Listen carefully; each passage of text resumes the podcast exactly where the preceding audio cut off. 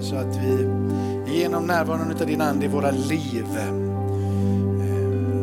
vet att vi är dina barn. Det är, eh, vi har en igenkänning på insidan.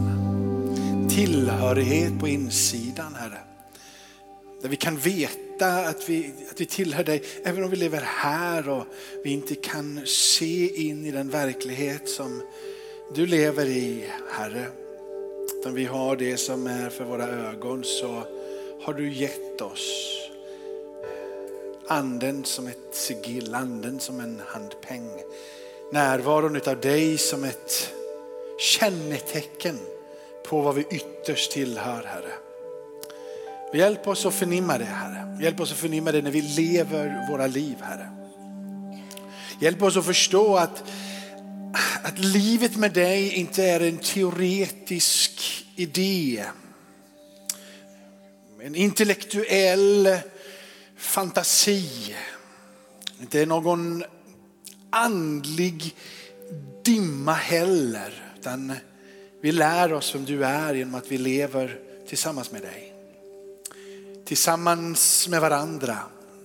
En del av din skapelse. Lär oss att förstå Herre. Än mer vem du är när vi nu vandrar på dina vägar för ditt namns skull. Vi lägger den här stunden i dina händer när vi läser ditt ord och försöker förstå vad ditt ord säger, Herre. Och vi behöver din andes närvaro för att förstå vad det är du förmedlar. Så öppna skriften för oss. Led oss den här stunden. I Jesu namn. Amen. Men varsågoda och sitt ner ni som, som, som ännu inte sitter ner. Eh, han, känner, han känner dig. Den, den strofen är rätt stor. Jag kan inte undgå att bara fladdra iväg lite grann. Jag var på ett föräldramöte för, för Elton, min, min yngsta son, han var sex på förskolan. Och eh, när, jag, när jag kommer dit så ska de här pedagogerna då, så där liksom vara väldigt pedagogiska. Och, och, och talade om för oss att vi skulle, vi skulle, vi skulle sitta i en ring. Då, liksom. Sådär. Bara att sitta i en ring är ju är inte pedagogiskt enligt mig. För jag får ju ont i benen och jag blir trött i ryggen och sådär. Utan mycket bättre med en stol. Det var rätt att sitta i en ring. Och då hade de sagt så här, ni ska sätta er framför, framför den bild som, som ert barn har ritat. Och då ska ni helt enkelt hitta det. Så man inte skrivit något namn utan du ska sätta det framför den bilden som, en, som en liten introduktion, lek eller vad de nu än kallar det här och pedagogerna. Så, och det gör det för mig så gick det på en halv sekund. Jag gick runt och tittade och så insåg jag att det är ett eh, papper som sticker ut framför alla andra papper. Och jag inser direkt att det här är min son Elton. För det här pappret är helt blankt. Helt vitt. Så jag sätter mig där och den enda som träffade rätt på riktigt, det var jag. jag. Det kanske var någon mer, men jag vet att fröken kom fram och sa, hur i hela världen visste du att det var Elton? Liksom? Och jag fick bara säga, jag bara visste. Jag bara visste att är det någon som gör en sån grej så är det Elton. Liksom. Satte mig där ganska enkelt. Och vet, jag tror att Gud känner oss så. Han, han, han, han vet vad vi är. Vi behöver ju aldrig klättra upp till honom för det var han som kom ner till oss. Vi behöver aldrig försöka krampaktigt hålla tag i honom. För han älskar dig och mig så innerligt så han håller fast i dig och mig och bär dig och mig genom livets alla olika skepnader. Det spelade ingen roll om den dagen Elton var glad eller han var ledsen. Men jag visste vem han var och jag tar hand om honom. Samma sak är det med Gud.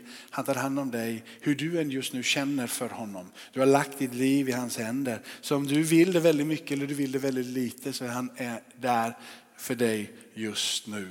Det är vetskapen, jag är ett Guds barn. Så därför är det så skönt att få sjunga den sången, att få tala om det. Så är det ja, det är så. Och sen får du lägga din berättelse för att bygga ett, liksom ett, ett ramverk runt det. För ibland så är det så här att det kommer en sanning till dig och du känner att den här sanningen den är bra och den är riktigt. Men du behöver bygga ett ramverk. Du behöver klä det med dina ord, du behöver klä det med dina berättelser. Och du behöver klä det med evangelium.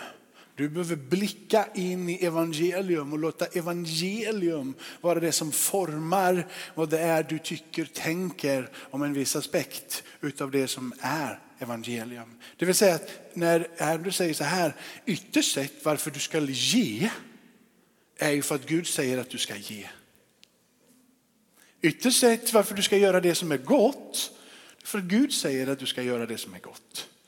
Ytterst sett varför du ska älska är för att Gud säger att du ska älska. Gud ger inget utrymme för dig att säga, jag gillar inte den aspekten av det, jag gillar inte den idén, jag gillar inte den tanken, jag väljer att göra som jag vill. Bibeln ger inget uttryck för det. Evangelium ger inte dig mig rätten att välja, utan evangelium inbjuder dig och mig till att bli förvandlade. Evangelium inbjuder dig och mig att gensvara på vem han är och på så sätt formas efter vem han är. Så därför så tänkte jag vi skulle ta en av de mest knepiga då på det här. Och vi tar, alltså bergspredikan i generellt, kapitel 5, kapitel 6, kapitel 7. Vi har varit tillbaka många gånger i bergspredikan och jag kommer nog aldrig sluta att, att, att gräva. Och, och, och, för det är det viktigaste talet enligt mig som Jesus håller. Och eh, det är inte så att han bara höll den här predikan en gång, det är inte vad man tror. För eftersom du har då i Matteus så kallas bergspredikan och Lukas kallas det slättpredikan. Och det är två likadana predikningar på två olika ställen. Så troligtvis Eh, men med samma, samma texter, samma, samma idé, samma tanke. Så troligtvis så har han, säger han det här som ett återkommande tal på flera platser. Eh, och jag väljer att bara ta några verser ifrån kapitel 5. Tro inte att jag har kommit för att upphäva lagen, säger Jesus. Eller profeterna. Jag har inte kommit för att upphäva utan för att uppfylla. Jag säger er sanningen, innan himmelen och jorden förgår ska inte en enda bokstav, inte en enda jota, prick i lagen förgå.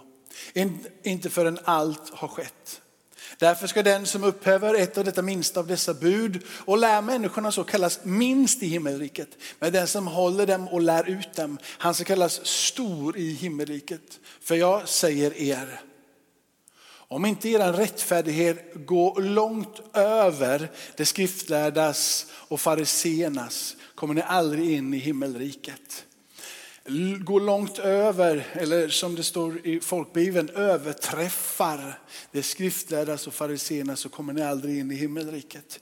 Du kan låta den texten ligga kvar där. Eh, judarna, de har ju sina eh, de har trosatser, det här ska man tro, men sen så har det, finns det ett gediget eh, regelsystem. Det finns eh, påbud. Det finns eh, idéer om hur man ska följa 613 stycken påbud, eh, förordningar, eh, regler som du ska förhålla dig till. Ett gediget religiöst system. Så det här religiösa systemet ska vara ditt privata liv med Gud. Det är det du har och det du ska förhålla dig till för att eh, det är din religiösa livsstil. 613 regler som är ditt religiösa eh, livsstil. Och den här religiösa livsstilen Eh, som i grund och botten när, det, när lagen landade skulle vara för att kunna utveckla en relation mellan Gud och människa, mellan Eh, människa och människa och eh, också vårda och se och älska den skapelse som Gud hade skapat. Bli helt enkelt nu bara ett tungt system för att upprätthålla ett religiöst levande för att kunna peka på, titta på mig, vad duktig jag är. Jag kan hålla det här. Jag kan leva i det här. Så när Jesus kommer och så säger han så här till de här eh, judarna då, så finns det, det är inte speciellt lätt att leva upp till alla dessa lagar, påbud och paragrafer. Och så säger han, du, de skriftlärda, de, de lyckas de med detta, va? de är ju rättfärdiga då, de kör de här 600, 600 lagarna liksom. Och på det så säger han så här, men ni, nu höjer jag ribban lite till. Nu, nu så är det så här att vill ni bli högt andligt stående så är det så här att jag ger någonting som går över det här nu. Är det det han säger?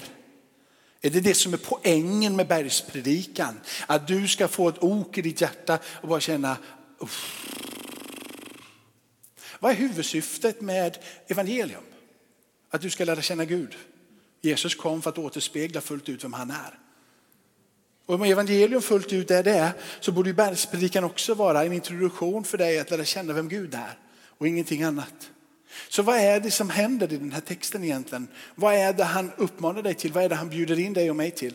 Och det han inbjuder dig och mig till och det han säger, det är egentligen att om du förstår att dessa lagar inte kan hjälpa dig överhuvudtaget. Men mötet med mig, när ni fullt ut får få se vad min död, vad min uppståndelse gör, som ni ännu inte har fått uppleva. Och när anden faller så finns det ett möte med Jesus som leder till ett överflödande liv. Det leder till ett liv som utgår ifrån hjärtat och inte utgår ifrån en bok. Det blir ett liv som utgår från din passion, din livslust, din glädje, din vilja, din tillit till Gud som gör att det finns en plats i dig där det här strömmar ut ur dig. Kommer ni ihåg att vi sa för några veckor sedan, vi pratade om lögn. Och det, det finns två, två stycken diken i vad man än gör för någonting. Det ena, det ena diket, jag gör det eh, liksom utifrån rädsla och fruktan. Och det andra diket utanför Guds rike är stolthet. De två dikena är där hela tiden. Och rädsla pratade vi om, jag, jag lägger till lite nu för det sa jag inte då, men rädsla, du ljuger inte för att du blir rädd och blir påkommen av Gud först och främst. Ja. Så att du, du ljuger inte för att, och det är ju rätt, du har slutat att ljuga. Men du gör det med fel motiv för att bli påkommen. Det är inte därför du ska sluta ljuga, för att du, för att du är rädd att bli påkommen. Du ska ju sluta ljuga för att sanningen har gripit ditt hjärta och det enda du vill är att hans sanning ska komma ut ur dig. Och sen så nästa, den andra, som är ännu mer patetisk, egentligen, det är den att jag slutar ljuga för att jag är rädd för att bli påkommen. Jag är rädd för att bli påkommen av Andrew med att jag ljuger så jag slutar ljuga. Det är en dygd och det är en andlig övning och resultatet är fantastiskt och högt ärbart. Men det är fullständigt fel motiv. Det är grundat i både rädsla och fruktan det också. Och sen så kan du då hitta fler sätt att se på det här med, med, med lögn. Och när det kommer till stolthet då, för det var det var fruktan och rädsla. Stoltheten ligger ju i att jag är inte som dem. Jag är inte som dem så jag ljuger inte. Helt plötsligt så har du satt dig över. Och fariséerna säger vi gör inte det här, vi gör inte det här, vi gör inte det här. Se hur mycket bättre vi är. Och det är ju en del som Jesus tar tag i bergspredikan och säger var inte som dessa hycklare. Utan han pekar redan här på ett förvandlat liv genom korsets kraft. Genom att möta med Jesus vid Golgata och inte bara få ett religiöst system som överträffar men istället få överflöda utifrån mötet med Jesus och det förvandlade livet genom den heliga ande. Det är det här han pratar om. Jesus ger inte ännu fler och ännu svårare liksom vägar in i ett religiöst system. Fyra stycken saker som händer i evangelium. Mötet med, Gud själv genom Jesus. Den upprättade relationen mellan människa och Gud som var menat ända sedan lagen landade där. Det var det som var syftet med lagen, att hitta det. Men också syftet med lagen var att du skulle kunna älska och se dig själv utifrån Guds ögon. Det som nu sker fullt ut i Kristus. Människa till människa, men också det som sker i upprättandet av skapelsen. Det är evangelium. Det är den återlösning och upprättelse som sker vid, vid korset. När du och jag kommer där så händer det som Andrew pratade om här, att du får ett generöst hjärta. Du blir en givare så som Gud är en givare. När du möter med honom, inte som en lagbok eller moral och etik som vi andas genom hela bergspredikan. Din moral och etik kan forma dig och du kan göra det som är rätt. Men det kommer inte från ett överflöd. Det kommer inte från platsen av det sanna mötet med Jesus. Det blir en yttre form som vi har haft så otroligt mycket av. Som gör att vi i slutänden blir paralyserade. Jag skulle vilja säga att den låga som tänds när Jesus möter dig, det liv som kommer här på insidan och som du blir så brinnande och du blir så ivrig. Om det är ett religiöst system som du går in under och in i så kommer den låga som har brunnit förr eller senare att slockna för att det religiösa systemet, vad du måste göra och vad du borde göra kommer kväva din efterföljelse till Kristus, kommer kväva ditt lärjungaskap till Kristus. Det, vi tror att det är tvärtom, men det är inte det. Om du anammar etik och moral före ditt möte med Jesus, att du vidhåller att dessa olika saker är bra. Det kan se rätt ut. Precis som att du inte ljuger gör det.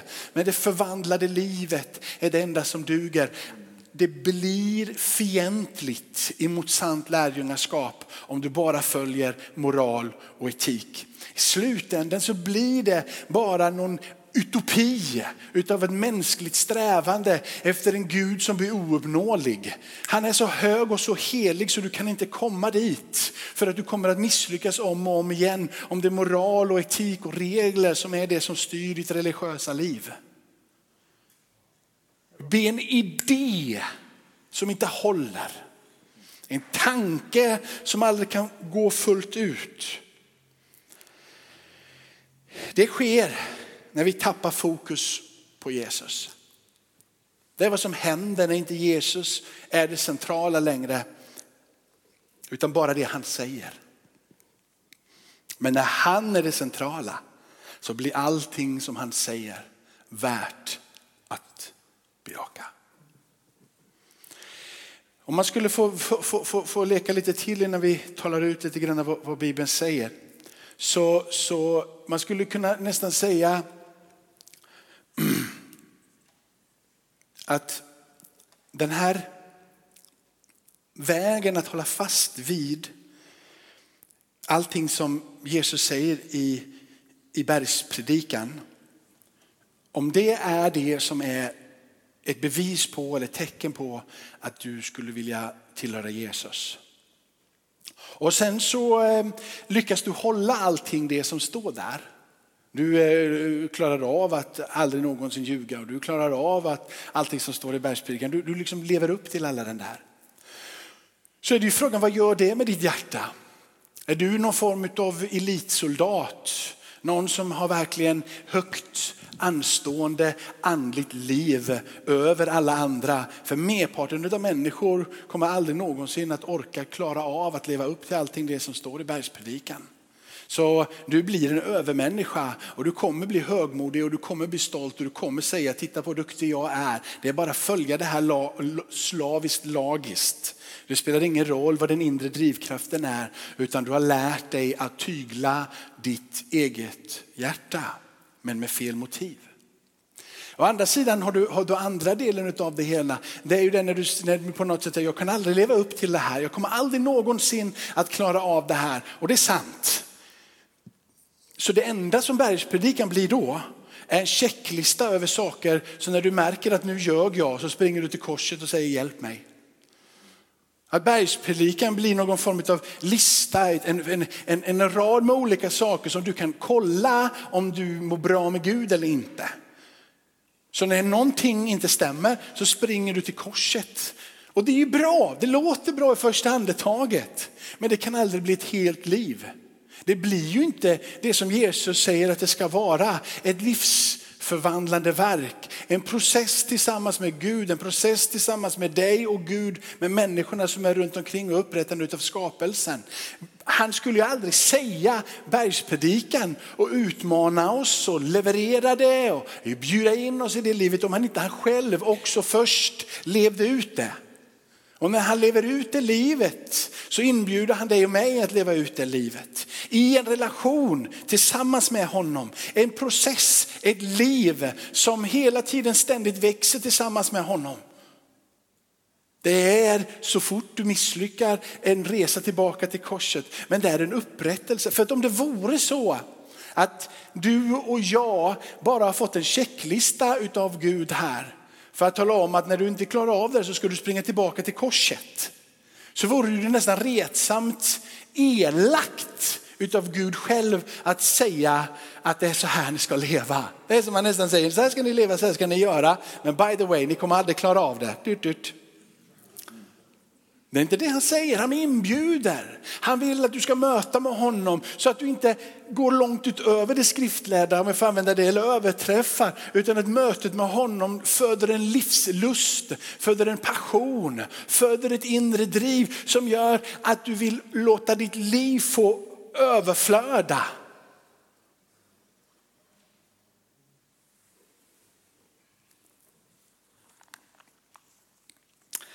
Det är därför det är så viktigt att förstå vad Jesus säger och när Jesus säger någonting. Så här står det i psalm 111, att frukta Herren, det är vishetens begynnelse. Insikt vinner de som gör hans vilja. Vad är det han säger? Han säger egentligen så här, att Gud vill visa vem han är genom sina handlingar och när han gör det genom sina handlingar så påbjuder han dig och mig att gensvara på just hans handlingar. När vi gensvarar på hans handlingar, vad får vi då? En erfarenhet av Gud. Så att om jag säger någonting som är rätt och riktigt till Andrew, säg följ med mig ut och spela fotboll. Och så följer han med mig ut och spelar fotboll, vi spelar fotboll. Då får jag ju en erfarenhet av att göra någonting tillsammans med Andrew och det blir fotboll. Vi helt enkelt lär känna varandra. Så när Gud säger någonting till dig och mig och vi följer på resan tillsammans med honom. Dels så gör vi det som är rätt, men vi lär känna honom. Varför? För att vi gör det tillsammans med honom. Så när Gud säger någonting och ditt gensvar in i ditt hjärta är villigt och följsamt så blir det eh, till handlingar som gör att du får en erfarenhet av vem Gud är. Och när du får en erfarenhet av vem Gud är så lär du känna Gud och du kan tala om för hela världen vem din Gud är. Det är inte frånskilt varandra, det vill säga du kan inte läsa Bibeln och läsa böcker och höra mig predika eller Andrew eller någon annan och säga jag känner Gud. Det är först när du börjar leva tillsammans med Gud som du kan lära känna Gud. Det är för att när du gör det som han säger att du ska göra som du lär känna Gud. Så en drivkraft till exempel att inte hata din broder utan älska din broder kan vara att jag vill lära känna Gud. Så därför så vill jag göra som han säger.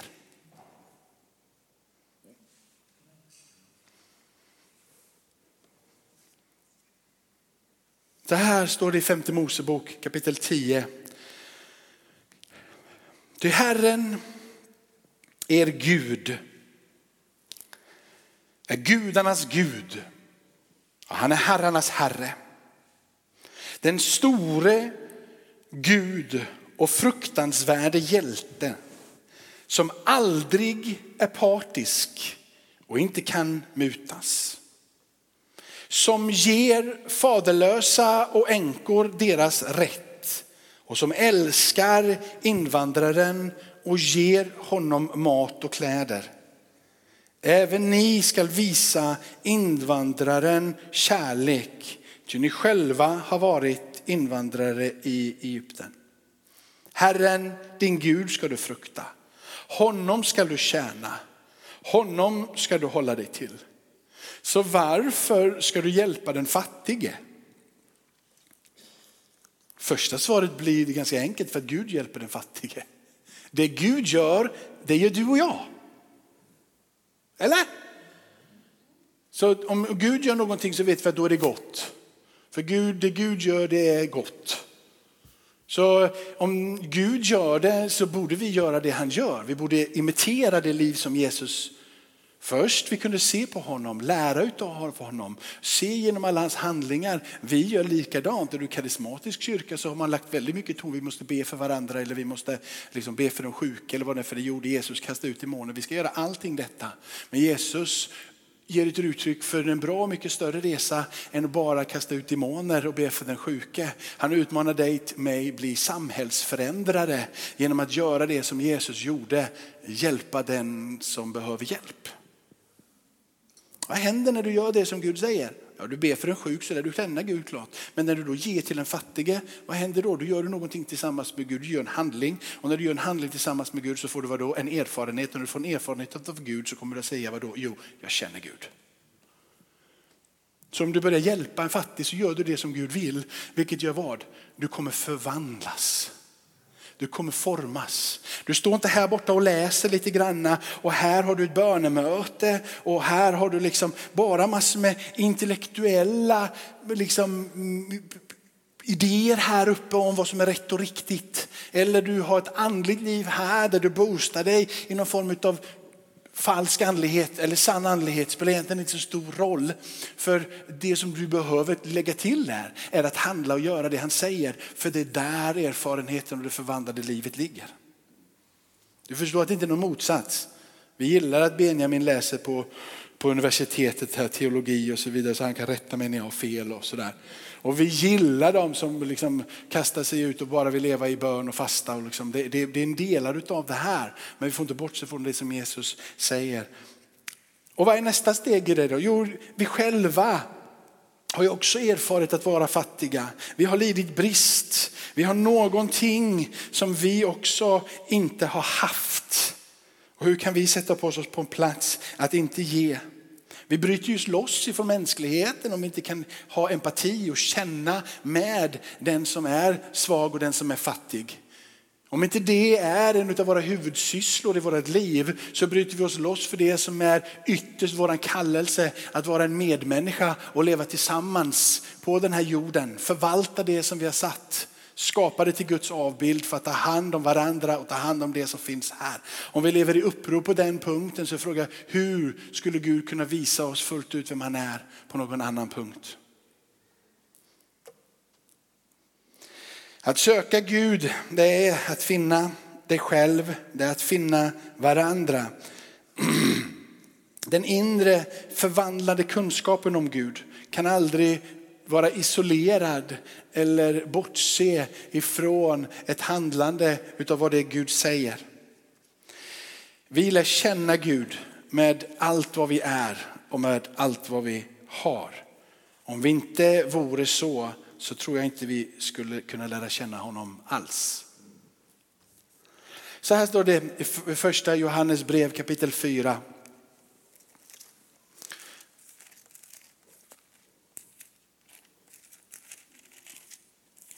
Där står det så här. Om någon säger att han älskar Gud och hatar sin broder så är han en lögnare. Han är inte bara, han är inte bara lite mittemellan, han, är, han, är, han, är, det, han säger det går inte. Och för att klargöra det så säger han, den som inte älskar sin broder som han inte har sett, så står det, kan inte älska Gud. Är du med?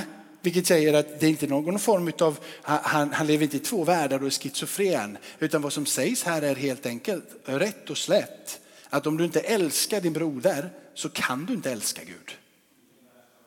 Det är från kapitel 20, eh, från vers kapitel 4, vers 20.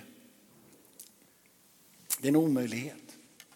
Så Gud, Gud först säger att, säger att det här ska ni göra, till exempel det som vi läste i första Mosebok här. Det var någonting som ligger där klart fast. Det bara är så. Men å andra sidan så säger han till dig och mig när vi säger att vi älskar Gud, men vi inte gör det han säger, så är frågan om vi älskar Gud. Han, Bibeln säger klart och tydligt, ni kan inte älska Gud. Så vi behöver komma tillbaka, inte till det som Jesus säger, utan vi behöver komma tillbaka till Jesus. Vi behöver få mötet med Jesus så det han säger blir relevant.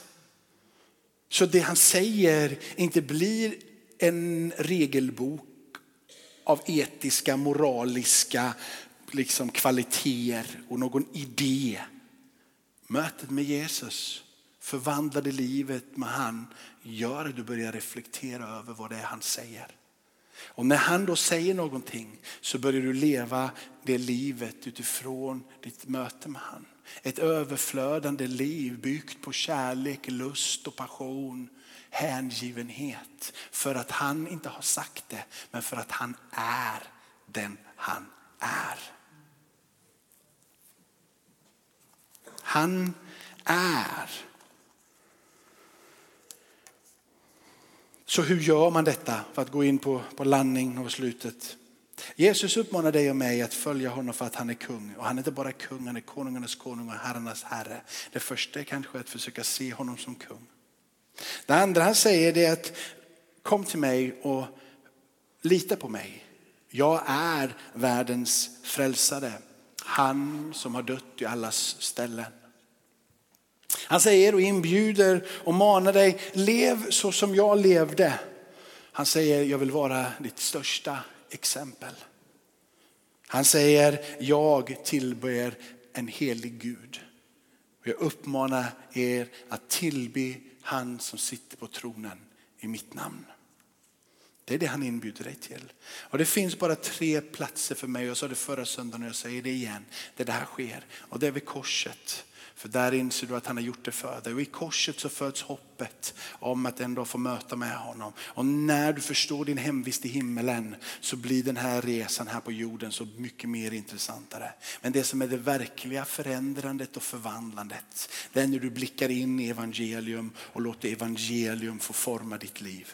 Allting vad evangelium säger om Kristus är till ditt och mitt förvandlande. Inte som en yttre ram, men som ett inre liv.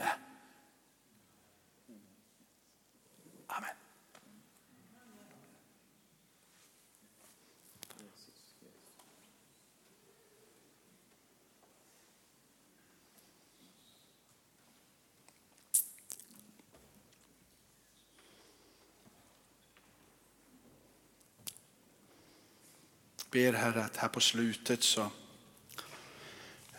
att vi fick möta med dig Herre. Att vi fick eh, känna dig, uppleva dig. Men än mer känna den här eh, lusten, drivet. Att det finns en ett generositet i ditt namn, ett vidgat hjärta i mötet med dig som gör att vi vill göra det du säger. Inte för att vi måste, inte för att det finns ett påbud om det, men för att när vi har mött med dig så finns det inget hellre och inget annat som vi vill göra. Jag ber här att slutet på den här gudstjänsten inte fick vara ett religiöst slut utan ett verkligt slut på den här gudstjänsten. Att när vi ber för varandra och när vi lägger fram våra önskningar och längtan och begär inför dig Herre så gör du det som Andrew sa här inledningsvis när han höll att det är någonting som du befriar oss från men det är också någonting du manar oss in i. Att göra någonting som du vill ta oss in i Herre.